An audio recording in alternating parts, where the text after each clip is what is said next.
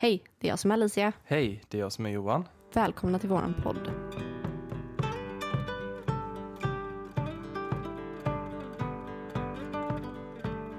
Du Johan, Ja, jag har tänkt på det här med människans absolut värsta fiende. djävulen.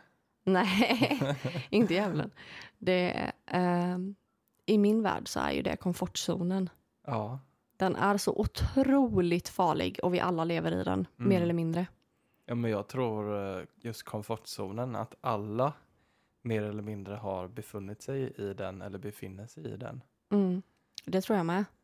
Och eh, jag tänker också att det hänger ihop med ämnet egenvärde. Ja, definitivt. Mm.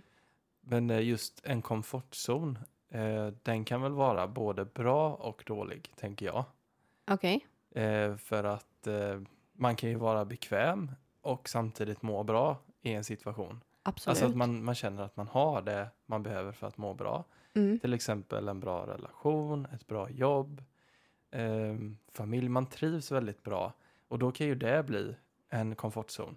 Absolut, så är det ju. Men, Men då tänker jag att man behöver ta sig utanför komfortzonen för att växa som Ja. person. Det måste man ju. Men sen tänker jag på den andra komfortzonen Mm. eh, där man inte har det så bra. Mm. Där man accepterar olika saker i sitt liv. Eh, man har blivit bekväm med att inte ha det bra helt enkelt. Precis. Jag tänker att vi behöver reda ut vad, vad är komfortzonen. Mm. Och man kan ju säga så här. Eh, komfortzonen är den bubblan som vi går i varje dag. Där vi är, det vi har i vårt liv, eh, allting, oavsett om det är bra eller dåligt. Där, Man- Det som är som det brukar. Ja, och man kan väl säga att det sker inte så mycket utveckling i en komfortzon. Nej, det Där gör har det liksom inte. man nått en platå när det kommer till just utveckling. Man, är ju, alltså det, man kan ju byta ut det. Alltså det är ju comfort, det är ju... Jag tänker bekvämlighetszon Ja, är det ju faktiskt. ja. Det är ju lika... Som, ja, det är samma, tänker jag. Mm. Men och eh, utveckling sker ju oftast när det är lite obekvämt. det behöver ju vara obekvämt Ja. för att vi ska utvecklas. Nu säger jag inte att det behöver vara det. Nej. Men när vi gör någonting nytt så är det ju oftast lite läskigt kanske, eller lite pirr i magen. Ja, Mm. lite obekvämt kanske. Mm. Men eh, jag tänker i alla fall att komfortzonen är människans värsta fiende. För stannar vi i den när vi mår bra, när allting är som det ska, ja men då är det ju världens chans att ta ett litet kliv utanför och utvecklas som person. Men den är ju också människans värsta fiende när vi inte mår bra i komfortzonen egentligen. Mm. Och jag tänker, det här pratade vi om på uppstarten på coachutbildningen också. Men när någonting är skadligt för oss, säg att du är en skadlig relation, Ja, det blir vardag. Och du vet precis vad du kan förvänta dig i komfortzonen. mm. Det, det är allting där du vet vad som ska hända. ja. Och det är väl just därför man eh, blir så van vid att vara kvar. Just Mm. för att det är så förutsägbart, tänker jag. Precis. Och det här med, jag tänker på att ha ett jobb till exempel som man inte trivs med. Du går till jobbet bara för att plocka hem en lön Ja, och all din energi går till jobbet så du har ingen energi över till eh, fritid eller familj eller vänner eller så. mm.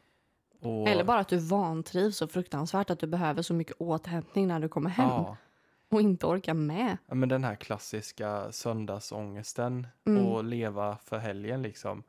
Då kommer fredagen och sen lördagen och sen så bara går man på autopilot måndag till fredag bara för att ta sig igenom veckan. Tänk dig att du missar ju ehm, vad är det, 80 procent av ditt vuxna liv Ja. genom att liksom ja, inte trivas på ditt jobb. Mm. Att Och jag du, tänker, det är så många som går och harvar på samma gamla jävla jobb och vantrivs något fruktansvärt i 50 år. mm. Och sen går man i pension. Men jag har Alltså- ju varit där med många av mina jobb. Mm. Där jag har känt att eh, bara en månad liksom är olidligt att ta sig igenom. Mm. Och då är den här tanken på att ska jag stanna här som mina kollegor har gjort i 30-40 år tills jag blir pensionär.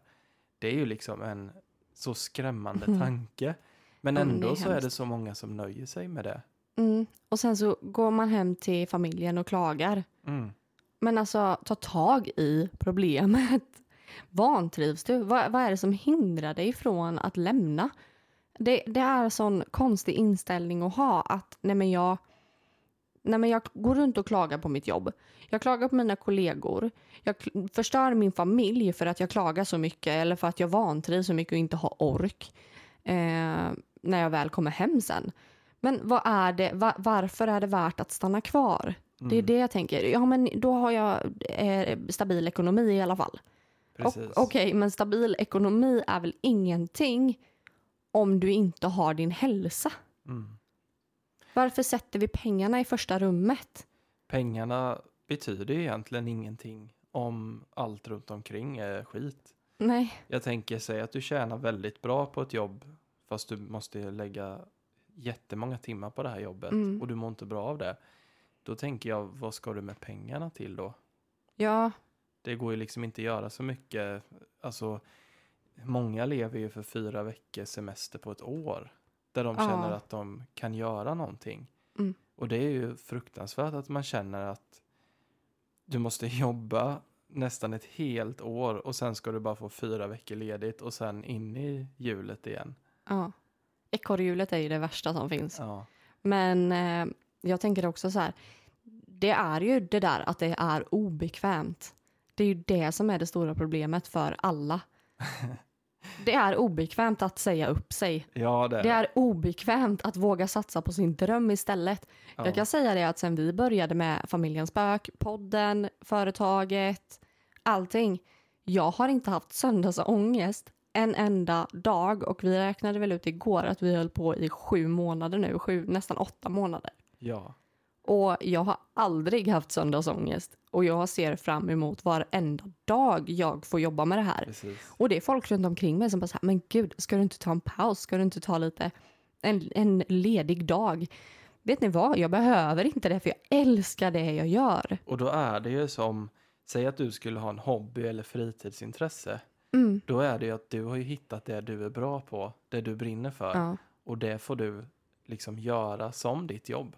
ja Precis. Men eh, jag tänker det är så många som, alltså inte, de känner inte att de är bra på sitt jobb eller att de brinner för det. mm. Och eh, som vi sa innan, enda anledningen till att de går dit är att de måste ha en inkomst. Det är den enda anledningen. Och jag vet ju själv hur det är att om vi pratar om bekvämlighetszon, ja. det är inte bekvämt att ha söndagsångest varje dag, varje söndag.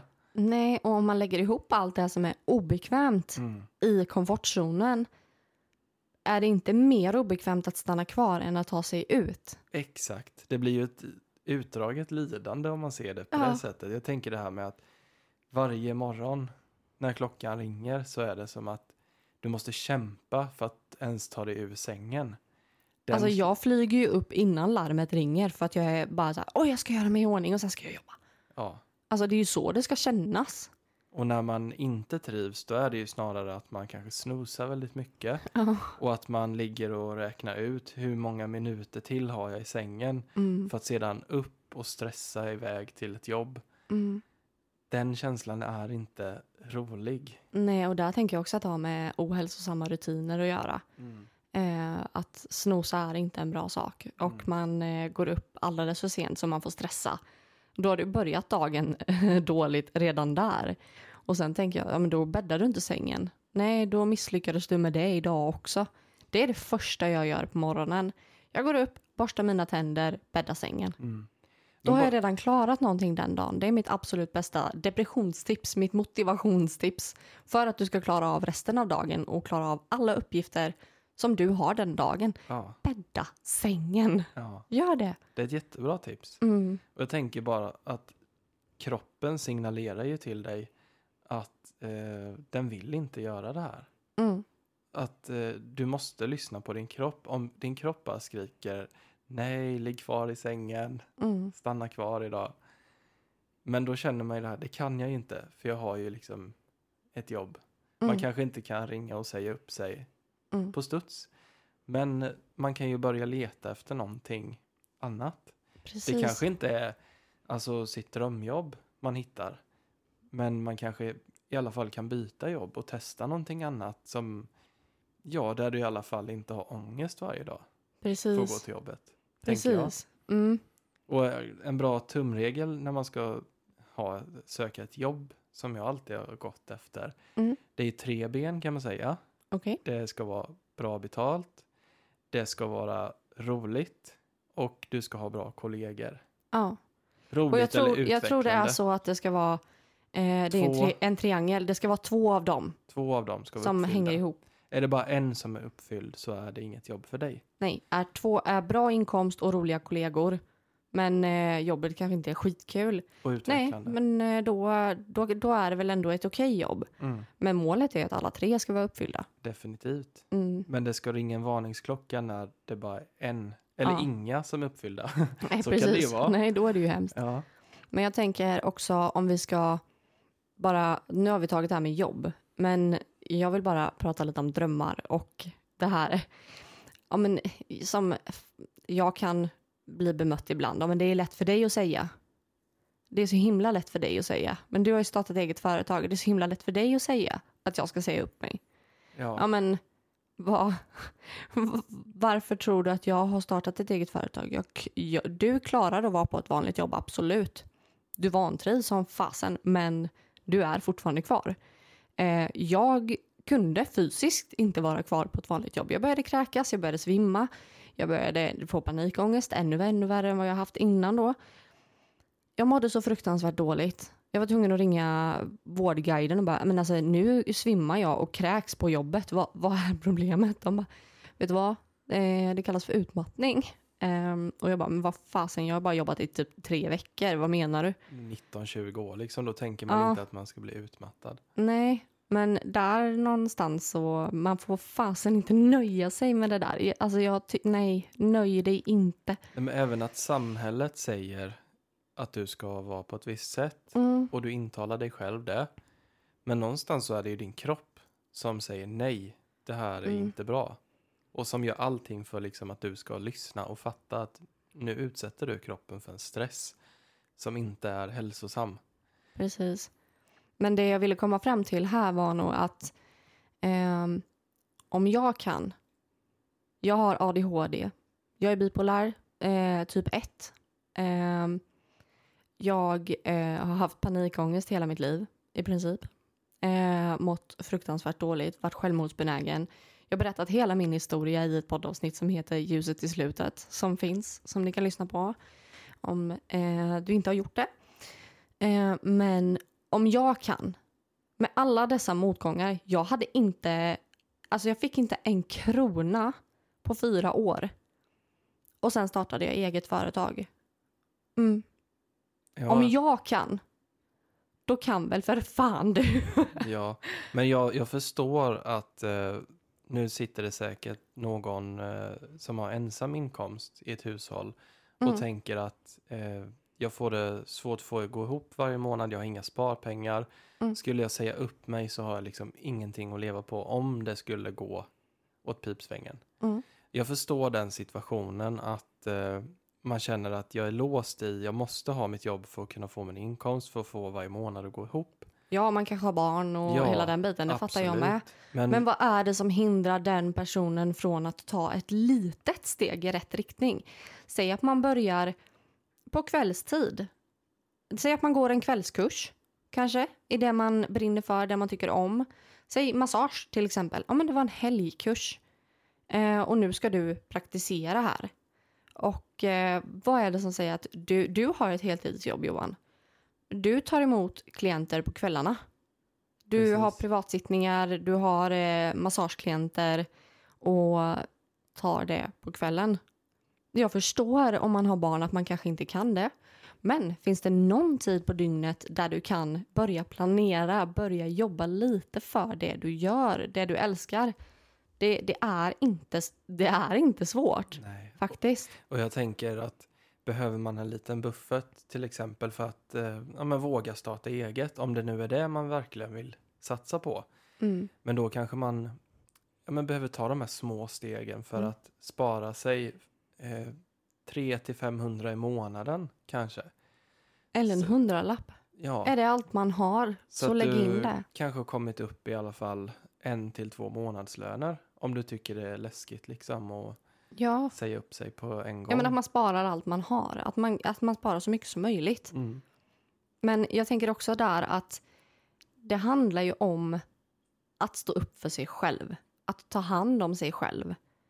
Och att inte gå i det här ekorrhjulet som vi pratar om och att bara att prioritera sig själv. Det är nog det ordet jag letar efter. Alltså vad, vad prioriterar du? Vad lägger du din tid på? Mm. Ja men absolut. Ja, jag kan förstå att man har dåligt med tid men jag lovar att de flesta sitter i soffan två timmar, tre timmar på kvällen. Varför gör du ingenting de två, tre timmarna? I alla fall en Ja men jag timme. behöver återhämtning. Mm. Ja absolut, det förstår jag också. Men att titta på tv är både tröttan, uttröttande för ögonen och för hjärnan. Du blir inte piggare. Det är inte återhämtning att titta på tv. Återhämtning kanske är att ta meditation eller att måla en stund eller att jobba med sitt företag en stund för man tycker att det är kul. Allting som du tycker är kul och mår bra av, det är återhämtning. Och vi ska ju faktiskt tipsa, kommer jag på nu, om den här enprocentsmetoden. Mm, Om man tycker att det är för jobbigt att göra en för stor förändring för snabbt. mm, Då kan man börja med, nu behöver vi inte gå in på exakt, jag kan bara ge i stora ordalag. Ja, men jag kan ta ett exempel annars. Ja. Om du ska läsa en bok på 200 sidor, börja dag ett med att läsa en procent av boken, vilket i det här fallet blir två sidor. Det är ju inte omöjligt, eller? Och dag två, då läser du 2 procent av boken. Och då läser du, eller två, då lägger du på 2 procent, så då blir det ju fy, fyra sidor, va? Ja, Ja. dålig på matte. Men, och sen gör du så tills du är klar. Och det blir man- inte svårt. Tycker man det är jobbigt med procent och så, så kan man bara ställa en timer. Ja, Säg att fem du, minuter, Fem minuter 10 första minuter, dagen. 20 Tio. minuter, Ja, 40 minuter. att man Det är inte så svårt. trappar upp. Liksom. Men eller en minut, Mm. två minuter, fyra minuter, åtta minuter. Ja. Det är inte svårt. Vi har alla en timme. För det, det tror jag är väldigt vanligt att man hör när man säger att jag har inte tid till det. Ehm, men då tror jag att man tänker att man, om man ska börja med någonting nytt, då Mm. måste det ta tre timmar i, i stöpet. Och därför så säger man att man inte har tid. Nej. Men alla har ju en minut över till. Mm. Det är inte så att du har fullspäckat schema och du inte ens har en minut till att göra någonting som du börjar bygga på. Liksom. Nej, och sen så tänker jag så här, men ta dig 15 minuter och gör upp en tidsplan för kommande veckan. Mm. Hur ska du nå det? Du sätter upp ett mål och sen sätter du upp hur mycket behöver jag jobba varje dag för att nå det här målet den här veckan. Det kan vara en liten sak. Det kan vara att göra research på eh, ett ämne som du vill eh, ta upp i ditt företag eller som hur man startar ett företag, läsa på om skatter. Det, det kan vara så litet. Oh, Jag behöver lägga 10 minuter om dagen för att klara av det här. Mm. Ja, det, en väldigt viktig sak att göra det är att brainstorma. Mm. Gör typ en mindmap. Ja. Och bara liksom skjut ut från mitten med punkter som du känner att du vill kolla upp eller utbilda dig om. Och sen så tar du en i taget. Ja. Det är väl det bästa tipset för att komma framåt. Men vi hör ju väldigt ofta att nej, det går inte. Jag, är- jag är fast här på mitt jobb. Eh, och det är inte att jag inte vågar, men det är att det går bara inte. Nej, Den varför hör då? man ju väldigt ofta. Nej, men den handlar ju 100% om mindset. Mm, Alltså då man, nej men alltså mindset är ju någonting som är fruktansvärt viktigt. Ja, har du inte tid, nej men då kommer du inte ha tid heller. mm, Då vägrar du att göra den tiden. Göra dig den tiden. exakt. Och går det inte, nej men det är klart att du sätter upp spärren i ditt huvud att det inte kommer gå. Mm, Det handlar om mindset. Det du tänker blir till verklighet. exakt. Tänker du att nej men det kommer gå. Vadå fem minuter, det är ju inte svårt. Nej, för det är inte svårt och då kommer du klara av det. Mm. Det är inte svårare än så. Tänk positivt. Och sen Tänk, finns det ju en rädsla där i botten. Mm. Och då måste man gå till botten med vad grundar sig den här rädslan i? Mm. Oftast så är det ju att man inte ska klara sig ekonomiskt. Men då behöver man sätta sig realistiskt och inte bara alltså, tänka på den här responsen som kommer så snabbt. Mm. Man är så inprogrammerad av den här rädslan. Men är det verkligen så illa när man börjar kolla på det? Om man skulle säga upp sig från sitt jobb, då har man ju oftast uppsägningstid. Ja. Och där har man ju tid att leta nya jobb till exempel. Mm. Men det bästa av allt är ju liksom att du redan vet vad nästa steg är innan du säger upp dig. Mm. Och det finns ju ingenting som säger att du inte kan kolla möjligheter under tiden som du har ett jobb. Och jag tänker så här, det är inte omöjligt att starta upp ett eget heller. För nu pratar du om att byta jobb. Mm. Och det är väldigt många som vill starta eget eh, så som det ser ut idag. Eh, och där tänker jag också, nej men jag kan inte bara säga upp mig och starta eget. Nej, alltså det kanske du inte kan direkt. Känner du att du vill det så testa. Gör det. Det värsta som, du som kan hända är egentligen att du behöver söka något form av bidrag eller att du behöver ta ett extrajobb. Ja, Alltså om du behöver ta ett, eh, ett extrajobb på 50% för att kunna jobba med företaget, dra ner på alla onödiga kostnader. Jag lovar att de flesta har tusentals abonnemang som ligger och drar pengar på tjänster som man inte ens använder. definitivt. Vad fan, vi avslutade typ, vi tittar bara på spökjakt och Wahlgrens värld typ och Discovery.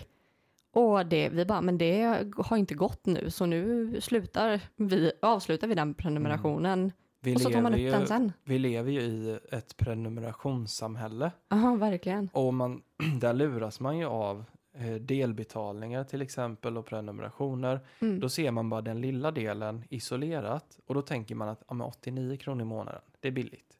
Ja, fast om det är 89 kronor i månaden gånger 10, Mm. det är ganska mycket pengar.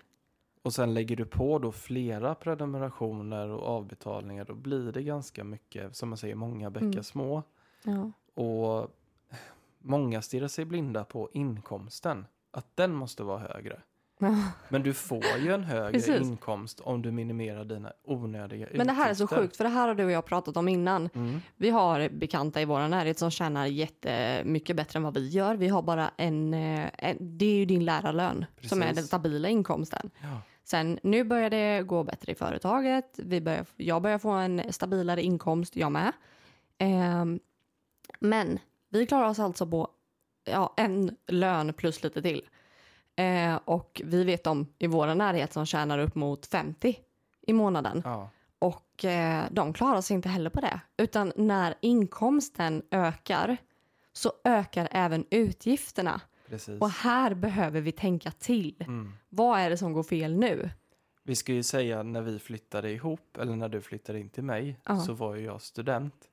14 000 i Ja, och det var. det var en bra månad. En dålig månad så var det 10 000. 10 000 i månaden och det levde vi på. Men det var ju då för att vi hade anpassat utgifterna för att vi Ja. skulle kunna klara oss på det. Så det är möjligt. Och jag tänker så här, de som vet med sig att de vill starta eget eller vill investera i någonting, investera i sig själva eh, och vet om att de har massa abonnemang och skit som ligger och drar pengar varje månad. Eh, jag kan, tänker att det kan vara en motivation att säga upp allting. Jag vet att Netflix tar en timme för mig på kvällen. Okej, Mm. men gör så att du säger upp Netflix. Då har du ingenting som kan dra din tid. Då lägger du tiden på det du behöver göra. Prioritera. Det är prioritera. Jag blir tokig. Och det är faktiskt väldigt kul när man sitter och ja, men man gör en budget för en månad och så ser man svart på vitt vart pengarna Ja. går-. Ja, och sitter att man- göra en budget är jätteviktigt. Ja, och så sitter man och plockar så här. Okej, vad kan vi leva utan? Vad kan vi plocka bort här? Det känns ju så gött när man sitter där och plockar bort de här Och sakerna. bara, oj, 4 000 in. Ja. Nämen, Då var det som Aha. att man höjde sin lön med 4 000. ja men precis. Ja, så man får inte stirra sig blind bara på eh, de pengarna man får in från sin lön. Det är väldigt viktigt att man ser efter sina utgifter också. Mm. Ja, men det är nog många som, har, eh, som kan ha svårt med det. Mm. Att se över vad man faktiskt får in och vad man spenderar. Mm. Men eh, det får ni i uppgift, alla ni som lyssnar, att göra en ordentlig budget och se vad ni behöver plocka bort och se över i era abonnemang. Mm. Det är bra. Om ni inte lyssnar på oss via Spotify, för det får ni inte säga upp. Nej. Nej, men jag tänker också... ehm, Nej, vi kör en jingel. Ja, det gör vi.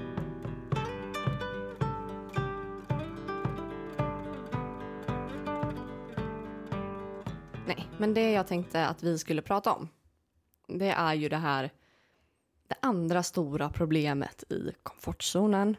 Och det är folk som går med en trött, stinkande jävla disktrasa till partner utan personlighet. Och ännu värre om det är en partner som inte är snäll. Ja. Eh, och det här är ju någonting som det kan låta också. Ja, men det är så jävla lätt för dig att säga Alicia. Och du har ju träffat Johan, ni är gifta, ni har det jättebra. Vi fick höra det ganska nyligen att det var, det, det är så många som bara ni, vill, ni pratar så bra tillsammans, ni är så samspelta och, men ni verkar ha ett så himla bra förhållande. Ja, men jag har tidigare varit i fruktansvärda förhållanden. Både psykiskt och fysiskt eh, våld. Det har varit fruktansvärt. Jag, tog, tog, jag lämnade min komfortzon och gick ur de förhållandena. Mm. För att jag såg att jag var värd mer.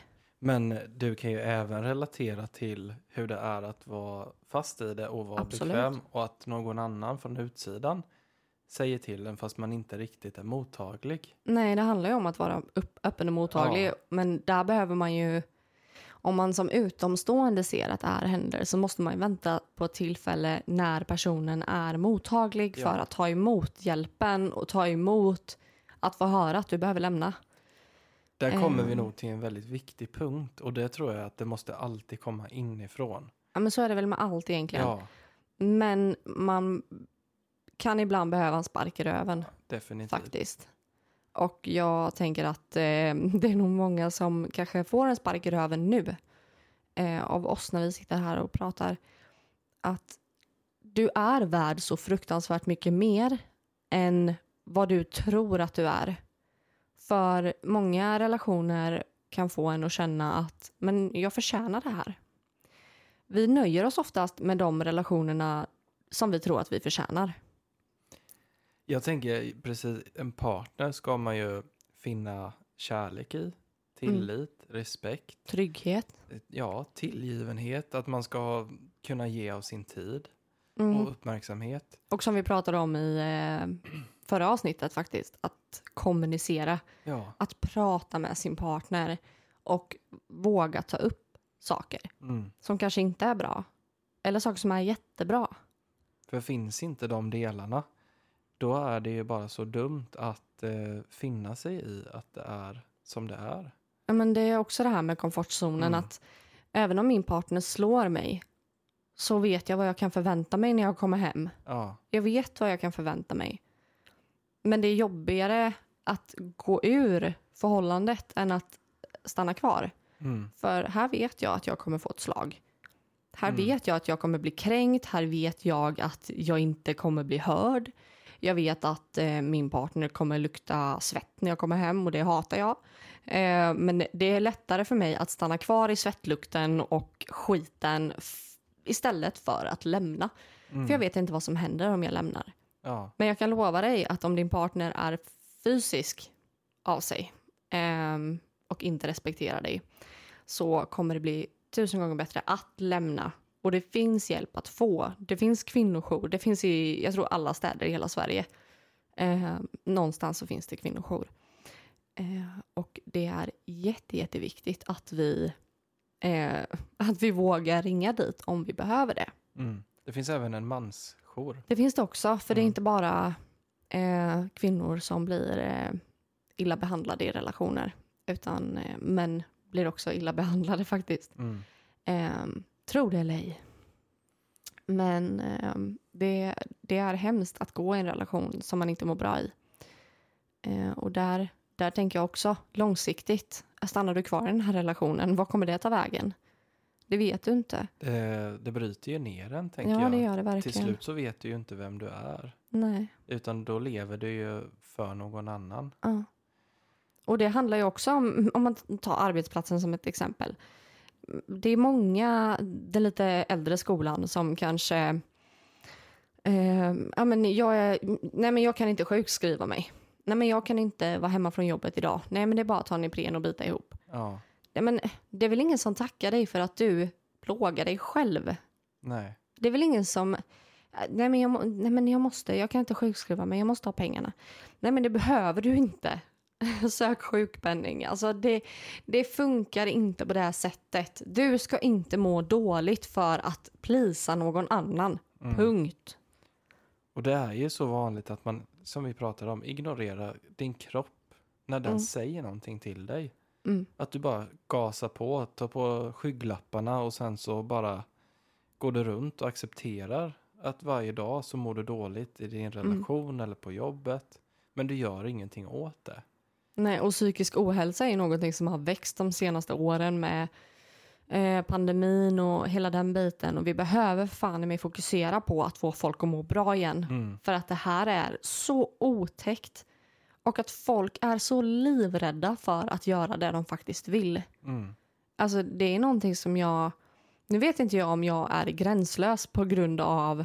För jag har aldrig varit rädd på det sättet. Aldrig någonsin. Eh, och jag vet inte om det är på grund av mina diagnoser. För att jag kanske inte har konsekvenstänket så bra. Men det, jag, det har ju löst sig för mig varenda gång. Mm. Och det har inte alltid varit någon som har stått där och räddat mig. Utan bara, för jag tänker att det är kanske är en tanke som kommer upp för lyssnarna nu. Att så här, ja, men det har väl funnits människor runt omkring som har stöttat upp. Tänker jag, när det har gått åt helvete för Alicia. Ja, Men det har faktiskt inte gått åt helvete. nej. Det har inte gjort det. Och jag tänker, du har väl haft så här katastroftankar i allra Gud, högsta ja. grad? Där du har Absolut. liksom tänkt typ att jorden ska gå under om du gör någonting. Ja, ja, ja. Så jag menar, Nej, Jag de- mådde så fruktansvärt dåligt. Alltså, Ja. Jag var livrädd för allt ett tag. Mm. Men jag har aldrig varit rädd. Nej. Om ni förstår vad jag menar. Men ofta så är ju det en rädsla som inte egentligen är eh, riktig. Nej, den, det- är så, den är så falsk. Man bara går och intalar sig själv att det är så läskigt, allt det Ja. där som kommer om man väljer att ta det här steget utanför komfortzonen. Ja, och jag tänker också det bästa tipset där när man har sådana här katastroftankar eller man bara nej men det där kommer aldrig funka. Tänk alltid, vad, vad är det värsta som kan hända? Mm. Dör du? Kommer du dö? Ja, det är väl det värsta Det är väl det absolut hända. värsta som kommer hända. Ja. Kommer du dö? Ja, men alltså så här, då tänker jag kanske så här, ja, men inte om du ska bestiga Mount Everest, för då finns det ju faktiskt en Mm. chans att du gör det. Men Mm. alltså, dör du av att inte få en månadslön? Mm. Antagligen inte. Och jag tänker så här, hamna på gatan. Det kanske är det värsta som kan hända för många. Men det ska ju Absolut. ganska mycket till innan man hamnar på gatan. Det ska väldigt mycket till. Ja. Och jag tror att de flesta har vänner, de flesta har nog en, en familj. Eh, någorlunda någon som älskar dig Mm. och som kan hjälpa dig. Mm. Om det skulle nu mot all förmodan eh, gå käpprätt. Alltså jag tror inte att det är så katastrof för eh, en hel del personer. Mm. Eh, och eh, jag tänker också en grej, när man går och tänker på det där, man går och funderar på det, det där som man vill göra, det där som man verkligen, åh det kliar i fingrarna, jag vill sätta igång. Mm. Eh, men nej, det, det går inte att göra så. Nej, jag kan nog inte det. Men det fortsätter att ploppa upp i huvudet. Mm. Det här är så intressant. Jag hade en, en klient nu i veckan som, eh, som ville börja plugga. Och hon hade gått och tänkt på det jättelänge. Men, varf- men du återkommer ju till den känslan hela tiden att det här vill jag göra. Mm. Men nej, men ja, nej, men jag vet inte. Är det rätt för mig? Ja, vet du vad? Kan du inte sluta tänka på det? Gör det. Men då är det ju som Mm. ett inre kall. Mm. Och jag tänker det är så många som har haft den där känslan av att det här vill jag ju egentligen göra. Mm. Men sen har de gått och harvat på ett jobb i 40 år. Och sen när de blir pensionärer så vågar de fortfarande inte göra den där Nej. saken. Nej. Och vad, vad är det då som hindrar dem? Är det rädslan för vad andra ska tycka Mm. och tänka? För den är ju också Den är väldigt stor. jättejobbig. Ja. Men där är det också någonstans, du måste hitta ditt egenvärde. Mm. Är deras åsikter mer värt än din glädje? Mm. Okej, om, om du svarade ja på den frågan, då behöver du nog se över ditt liv lite. Ja. För det där är, det där är så långt ifrån verkligheten. Det, är- alltså alla kommer alltid tycka och tänka. Och ska du plisa alla i ditt liv, då... Alltså, du kommer ju gå under. Ja, och det kommer alltid att finnas de som tror sig veta bättre. Mm. Som ger dig råd som du inte har bett om. Mm. Och som själva projicerar sina rädslor på dig. För Ja. att det de själva känner att de inte skulle klara, då säger de till dig att det kommer inte du heller klara. Det är ju någonting som vi har fått kastat i ansiktet på oss väldigt mycket. Mm. Från väldigt nära... Eh, nej men, eh, folk som står väldigt nära oss. Eh, eller gjorde det i alla fall.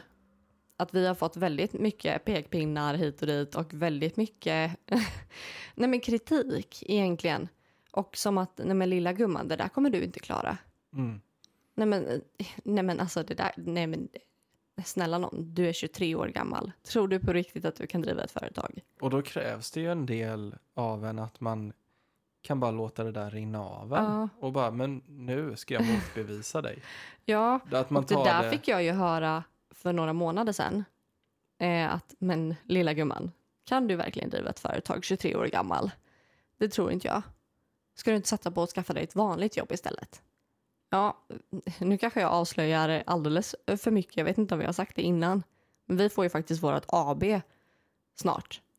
Ja, Och eh, Alicia Kalén blir vd för sitt eget företag. Och här sitter jag och pratar med ordförande. Men det är så stort. Och det är en sån knäpp på näsan till alla som inte trodde på mig. Nu står jag här snart med mitt eget AB. ja. Eller med vårat eget AB. Och- Du tar all credden.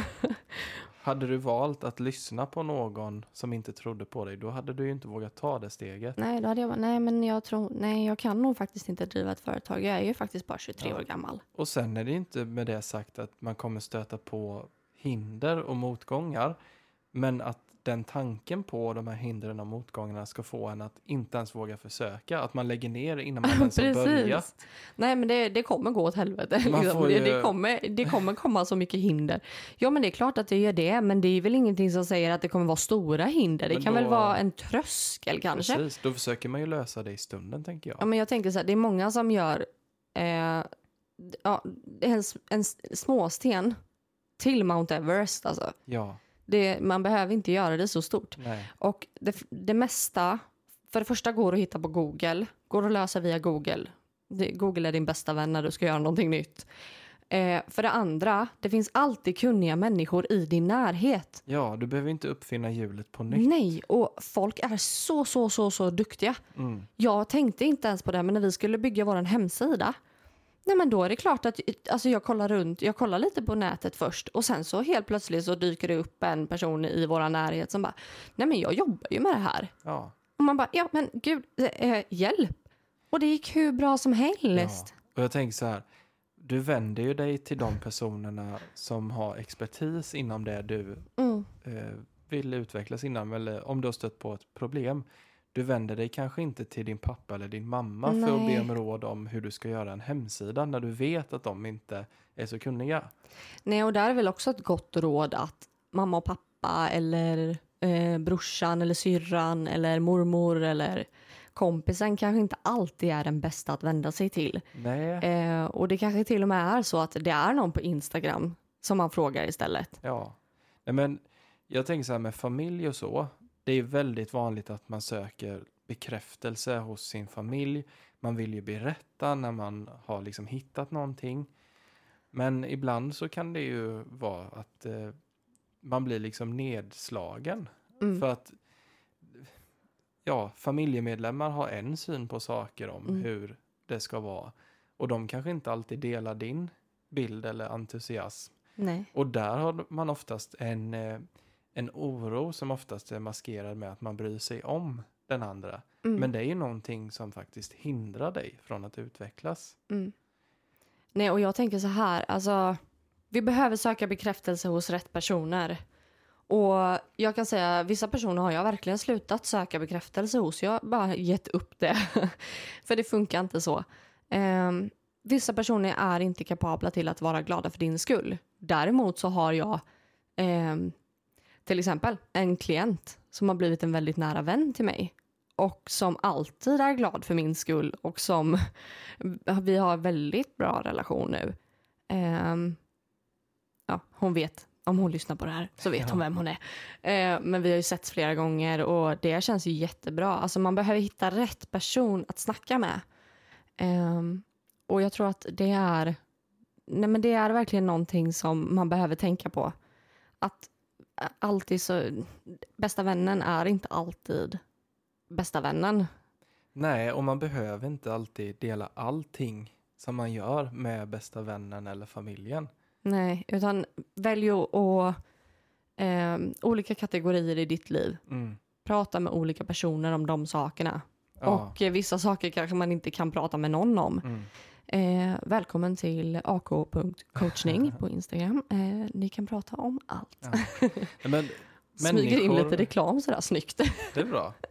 Men människor i ens närhet kommer alltid att ge en råd som man Mm. inte har bett om. Och det kan ju hålla en tillbaka. ja, Och Absolut. då är det bättre att gå sin egna väg. Och när du har hunnit åstadkomma någonting, då kommer de ju komma till dig. Och då kommer du Mm. få bekräftelse för det du har gjort. där tänker jag att det handlar ju om falskhet. Gör det inte det? Vad tänker du då? Nej, alltså att du, du uppnår eh, en viss status. Eller en viss, ehm, hur ska man säga, ett visst mål. Eh, och då kommer folk tillbaka. Ja, så kan det vara. Men jag, jag tänkte mer på att du inte delar med dig av allting under ja, resans ja. gång. Absolut. Och då att det blir att då har det inte funnits något tvivel till att börja med för de har inte Mm. ens vetat vad du har sysslat med. Nej, så kan det ju vara. Absolut. Ja, Men jag tänker också att vi behöver ju värdera oss själva och Ja. se vilka som är falska i vår närhet. Det är också en grej som är i komfortzonen att vi, eh, vi kanske har tio kompisar. Men, eh, och jag hittade så bra ljud igår på Instagram. En Porsche har ju bara två säten. mm. Eh, en buss har 50. Dina fake-kompisar, de kan ta bussen. ja just det. Den där riktiga vännen, håll hårt i den och åk i Porschen. Ja, men det kommer ju alltid finnas de som helt plötsligt vill bli din bästa vän om Mm. du får, Fiskar, ställer sig in. ja men säg att du blir framgångsrik för mycket pengar och berömmelse. Mm. Och då kommer det alltid finnas någon som, ja jag känner han eller hon. Mm. som försöker rida lite på det. Men det är ju ganska tydligt att se igenom. För vilka har funnits med dig som en sann vän genom hela processen, genom hela resan. Mm. Det är de som är de äkta vännerna. Och då tänkte jag på en låt. Mm. Eh, det är Kapten Röd. Ja, just det. Över min döda kropp. Ja. Den är så bra. Ja. Det är en av mina favoritlåtar faktiskt. Och den här Just nu med- i alla fall. Ju mer de spottar Ja, på ja, ja. dig. Den, Ja. den är också väldigt i detta samtalsämnet. Mm. ja men eh, lyssnar ni inte på Kapten Röd så gör det. Jag har ju Mm. faktiskt eh, hans autograf på min t-shirt. Ja, Jag tycker det är så coolt. Och han skrev Alicia Hjärta. stolt. Jättestolt. Mm, nej men jag tycker att det, vi behöver lära oss, eh, alla människor, att värdera oss själva. Mm. Eh, och eh, jag tänker att vi pratar inte så mycket om det här med prissättning. Äh. Mer än att vi säger att värdera din tid. Ja, Och det handlar både om lönen på jobbet och eh, vad du sätter för priser för dig själv. mm. Om du är egenföretagare. och det är ju väldigt vanligt att man jämför sig med andra. Mm, Men eh, de jämför ju sig säkert med andra också. Och då Mm. blir ju det till slut att eh, man ska Man- vara billigast. man håller nere priserna istället Ja. för att hålla om varandra. Ja. Istället för att se varandra som konkurrenter så ser man varandra som kollegor. Ja, Att Där man kanske går ihop, okej vi är värda de här pengarna. Ja, Istället så blir det ett priskrig där man tittar på, okej vem, som, vem är billigast? Eh, det behöver ju inte betyda att den personen utför ett lika bra jobb som du. Nej, och jag kan säga det att från det att jag höjde mina priser så har jag fått otroligt mycket mer kunder. Och jag har fått rätt kunder. Så där, där handlar det också om att de som kommer till dig, de kommer ha de pengarna som de behöver för att komma till dig. Och de vill vara hos dig. De vill vara hos dig. Däremot är du billigast i stan, då kommer du få de som bara vill gå till det billigaste stället i stan. Och Ja. de förväntar sig inte så mycket. Nej, Ehm, men det, det tror jag är väldigt viktigt. mm. det är det absolut. För det, visst känner man igen sig i den känslan, oj, nu är jag liksom 200 kronor dyrare än den bästa i stan. Precis. Men då liksom jämför man sig med någon annan. Och det är ju ingen fara. Alltså, mitt bästa, bästa tips när det kommer till eh, att eh, checka konkurrensen så att säga. Det är att, eh, jag vet inte om det var Andreas som sa det här först, eller Jenny som sa det. Men kolla vad alla andra ligger och lägg det över. Ja, det, Absolut bästa tipset för du visar med det att du är bäst. Ja, för det Du är är ju stan. så mycket psykologi bakom det där. Ja. Alltså, säg dig själv, du går in i en affär, du ska köpa ett par skor. Mm. Och sen så ser du ett par skor, de ser jättefina ut. De kostar 200 kronor. Mm. Men sen så ser du ett par andra skor, de ser typ likadana ut. Mm. Eh, men de kostar 700 kronor. Mm. Vilka väljer du? Nej, men det är klart att jag väljer de som kostar 700. Ja, De, de måste ju vara bättre. för om du väljer Ja. dem för 200, då Nej, men- kommer du alltid gå och undra Ja, hur de precis. för 700 var. Men jag tänker så här att nej, men de där för 200, men det måste ju vara något dåligare material eller Mm. någonting. Nej, vet du vad? Det sitter en liten lapp på där det står typ Nike. Vad, Nike? Va, det är det där lilla märket du betalar för. Det betyder att ma- materialet skiljer sig antagligen ingenting. Eller, mindblown, det är samma skor. Ännu bättre. Det är Men du exakt kommer samma ha skor. en helt annorlunda Mm. upplevelse. För att köper du dem billiga, då kommer inte det kännas helt rätt. Nej. Köper du dem som är dyrast, då kommer du känna, känna dig bättre på något sätt. Ja. Med den känslan. Precis. Nej, men också med det här med hur man sätter sina egna priser och så. Det gör man självklart precis som man känner att det känns bra. Men var inte rädd för att värdera din egen tid. Nej, Räkna på vad du behöver få ut. Och sen splitta det på hur många kunder du tror att du tar. Nu pratar vi om tjänster och inte produkter Ja. för då finns det ju ett rekommenderat pris som du ska sätta på dina produkter såklart. Jättebra det du Mm. säger där, att man utgår ifrån sig själv. Ja, Hur mycket, alltid. hur mycket eh, kostnader har jag? Och hur mycket kan jag tänka mig, hur mycket orkar jag jobba och slå ut det på vad du måste ta i timmen? Precis. Mm. Jämför inte med vad någon annan tar. För de kanske måste jobba eh, sju till nio på kvällen för att få det att gå runt. Ja. Men du kanske inte vill jobba sju till nio. Eller kan jobba sju till nio. Nej, säg att du kan jobba fyra timmar om dagen. Ja. Ja, men då får du lägga dina priser lite högre. Mm. Nej, men utgå från, räkna utifrån ditt liv. Mm. Räkna utifrån vad du vill ha, Precis. vad du behöver. Sen är det klart att man kanske inte ska lägga sig på en tjänst som vanligtvis kanske kostar eh, 800 kronor. Ja, men du kan lägga det på 900 eh, tusen spänn kanske. Men du kanske inte börjar lägga det på 8000. det får ju Alltså, vara lite realistiskt Det får ju vara rimligt ja. såklart. Så Men är det ju. ehm, ja, det finns ju, alltså om man tittar på en arbetsdag Mm. så får man ju se det till att eh, det går ju åt mycket mer tid om man driver eget till att bara Absolut. utföra tjänster. Nej men jag menar, alltså att driva ett eget företag det är ju, det är ju omständigt och det är mycket arbete. Ja, vi jobbar ju, eller jag i alla fall jobbar ju nästan dygnet runt Mm. med det här. Men däremot så är jag inte ens i närheten av utbränd. Och det finns de som jobbar 6-8 timmar om dagen ja och är så utbrända och mår så dåligt och behöver gå ner i tid. precis. Jag jobbar alltså typ 24-7, Mm, mer typ 48-7. mm. Alltså, Men det är ju inte hållbart att behöva lägga dig på en nivå där du måste jobba tio timmar om dagen med tjänster nej. och då får du ingen tid över till någon fritid. Så där måste man Nej, ju... precis. Men alltså, jag tycker ju bara att det är...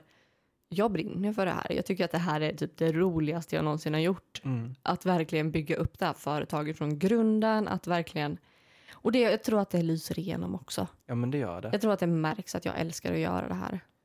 Och då kommer man ju få de kunderna som Mm. eh, också ser det, tänker jag. Ja, och jag var så himla glad. Vi måste prata lite om Nyköpingsmässan innan vi Ja. eh, rundar av här. Ja, det måste vi. Men alltså, det var så fruktansvärt kul att träffa alla som var där och det var så många som hade lyssnat på podden. Så Ja. hej om ni lyssnar. Vad roligt att ni kom fram och pratade med oss. Ja. Eh, alltså, det var så himla roligt att prata med alla människor. Och det, vi hann ju inte gå runt och se alla utställare tyvärr. Men Nej. Bara känslan av att vara där, det var en sån härlig stämning tycker jag. Ja, Det var jättekul. Och vi ska ju faktiskt på spökjakt cruise. Mm. Och där kommer ju jag och Sofia som har gästat ett av våra avsnitt Ehm, om kanalisering pratade vi då. Men eh, där kommer ju vi faktiskt stå. Och jag kommer ju köra tarot då. Eh, och jag tror Sofia kommer lägga tarot också. Mm. Så ska ni på spökjakt så får ni komma förbi och säga hej. Den 2 december. Den 2 december, ja. Andra till fjärde. Ja, Alltså så kul. Det är Det vår bli- fyraårsdag. ja det Den är det. första. Den första. Ja, första det ska december. bli riktigt kul. Det ska bli jättekul. Men alltså Nyköpingsmässan var jätterolig. Det var så himla kul att träffa eh, alla människor. Och eh, en av mina coach... Eh, eh, nej men, som jag går coachutbildningen tillsammans med kom ju faktiskt förbi. Det var jättekul. Och Mhm. kom på din storseans också. Precis. Så roligt. Ja, det var häftigt. Ja, vad tycker du om att hålla storseans? Det var faktiskt din allra första Mm. stora storseans. Jo, men det är ju lite annorlunda mot att sitta en mot en så. Mm. Men eh, det var faktiskt inte så läskigt som jag trodde att det skulle vara. Du klev ur din komfortzon så ja, att säga. Ja, men det verkligen. Det var ju en del eh, tankar som kom där att nej, jag blåser av det här. Men vad modig du var som, som gjorde det ändå och klev utanför den här komfortzonen och jag tycker det är jättejobbigt att vara bland folk. Mm. Men jag klev också ur min komfortzon och ställde Ja. mig på den här mässan och la tarot ja. för jättemånga som kom förbi. Ja. Det var superkul. Ja, Eh, och nu jag- vill jag bara, ni har fått mer smak. Nu vill jag mer. Men det där är ju, det blir, har man klivit ur sin komfortzon tillräckligt många gånger i olika sammanhang, då blir det mycket lättare att pusha sig igenom det Ja. nästa gång. Och det är en, känsla som jag är ganska van vid, Mm, som jag har fått göra många gånger under mitt vuxna liv. mm. Och Men det- man utvecklas jättemycket av det. Och som Ja. du säger, det blir lättare och lättare för varje gång. Mm, Och till slut så kommer du inte längre gå på autopilot. Nej. För det behöver vi också prata om egentligen. Men alltså, det handlar ju om att skapa rutiner utanför rutinerna egentligen. Nu ska jag ge er en utmaning som ni kan testa redan ikväll om ni vill eh, testa detta. Eh, vill ni gå utanför er komfortzon så gå in i duschen, duscha varmt och sen så vrider ni upp på det kallaste och sen så ska ni utmana er själva att stå där en minut. En minut är Då- ju jättelång tid. Då kan jag säga att man har gått utanför sin komfortzon. Oj. Ja, jag, jag, eh, jag kommer börja med 10 sekunder max. Men känner man att man inte klarar det, då gör man ett nytt försök nästa kväll. För att den, Åh, den känslan av att kunna göra det Ja. att känna sig, oj nu gjorde jag faktiskt det här fastän att det var så sjukt obekvämt. Ja. Den känslan kan man plocka med sig in i när man står inför något annat tufft Mm. beslut och lämna sin komfortzon. Absolut. Så det är ett väldigt bra tips Men. Johan, hur, eh, bara för att komma tillbaka till ämnet lite. Hur kändes det efteråt när du hade gjort det? Hur kändes det under eh, storseansen och hur kändes det liksom efteråt? Och, men hur gick det? Alltså hela nervositeten var ju egentligen eh, innan själva seansen. Sen Ja. en halvtimme innan seansen då kände jag bara, nej men jag har ingenting att vara nervös över. Jag har inte råd att vara nervös för då kommer jag blockera mig själv här. Ja. Så där, en halvtimme innan seansen så bara... Jag, Nu är inte jag nervös längre. Men jag sa till mig själv att du får inte vara nervös mer nu. Mm. Och Och det är då- faktiskt också någonting som funkar, att man säger till sig själv, du Ja. är inte nervös. Nej, och sen när allt folk kom in och satte sig, jag fick inte panik liksom. Mm. Nej. Nej, men det kändes väldigt skönt att bara kunna stå där i eh, mitt lugn, i Ja. min bubbla. Och jag tror att många såg det. Mm, nej, men jag alltså var du bekväm. var så bekväm där uppe och du var så självklar där uppe. Mm. Och jag hörde ju, jag satt ju mitt i publikhavet så jag tyckte att det var jättekul att höra vad alla viskade och tisslade och tasslade. Men det var jättemånga som sa det bara, men gud han känns så självklar, vad duktig han är. Nej, men han är ju grym, vad avslappnad, vad bra han berättade att för du inledde ju med att berätta hur du jobbar. Och Det var Mm. jätteuppskattat. Precis. Och allt det som kom igenom var ju också jätteuppskattat. Du fick ju komplimanger för vad, vad fint och respektfullt du beskrev. Det tycker jag var Mm. eh, en väldigt viktig grej att ta med sig också. Mm. Nej, men det var en jätteskön känsla att ha kunnat göra någonting sånt som kändes jätteläskigt. Jag har Ja. gått och tänkt på det här. Vad har jag gett mig in på? Kommer jag Mm. att fixa det? Alltså, det var en jätteskön känsla att stå där efteråt och känna att det faktiskt gick bra. Och du fick ju faktiskt bekräftelse efteråt på att det du Ja. hade sagt stämde. Det var ju, även om det bara var en som gav mig bekräftelse så är det nog Eh, att veta att att eh, det var någon som kände igen eh, den här personen. Och eh, att det var ett föremål som blev väldigt viktigt att ta hand om. Ja, Mm. det är väldigt fint.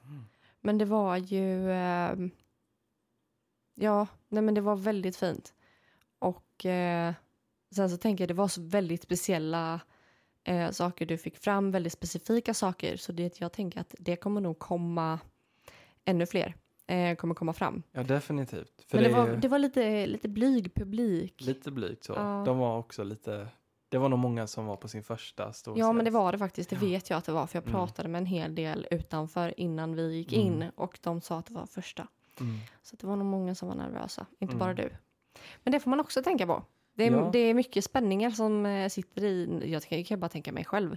Gå och sätta sig på en stor scen och hoppas på att få kontakt med en nära anhörig. Man Ja. sitter på helspänn. Ja. Eh, alltså, man är jättenervös för vad som kommer komma fram. Mm. Så att alla är ju nervösa i rummet så att säga. Mm. Men... eh, Jag dog inte. Nej, det gjorde du inte. Nej, det men gjorde du faktiskt inte. Tänk att eh, det, det värsta som kan hända det är att du dör eller hamnar på gatan. Annars så kör. Ja. Eller om det skadar någon annan såklart. Ja, det, det är det. Ja. Men eh, skadar du inte någon annan, hamnar på gatan eller dör, så kör. Ja, precis.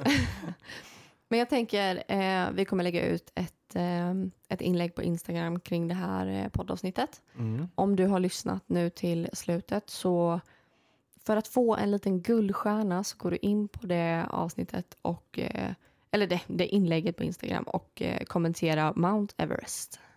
Jag gör det. Gör det. Eh, jag älskar att jag bara hittar på de här orden i stunden när vi Ja, sitter här i Det slutet. är alltid lika kul. Det är alltid lika roligt. Men jag tycker att det är, jätte, det är jättekul att se när ni kommenterar. För ni, det är en hel del ibland Mm. som kommenterar. Det är kul. Och vill ni eh, nå oss så finns vi på www.familjensbok.se. Ja. Och eh, vill man mejla oss direkt så kan man mejla på kontakt familjensbok.se.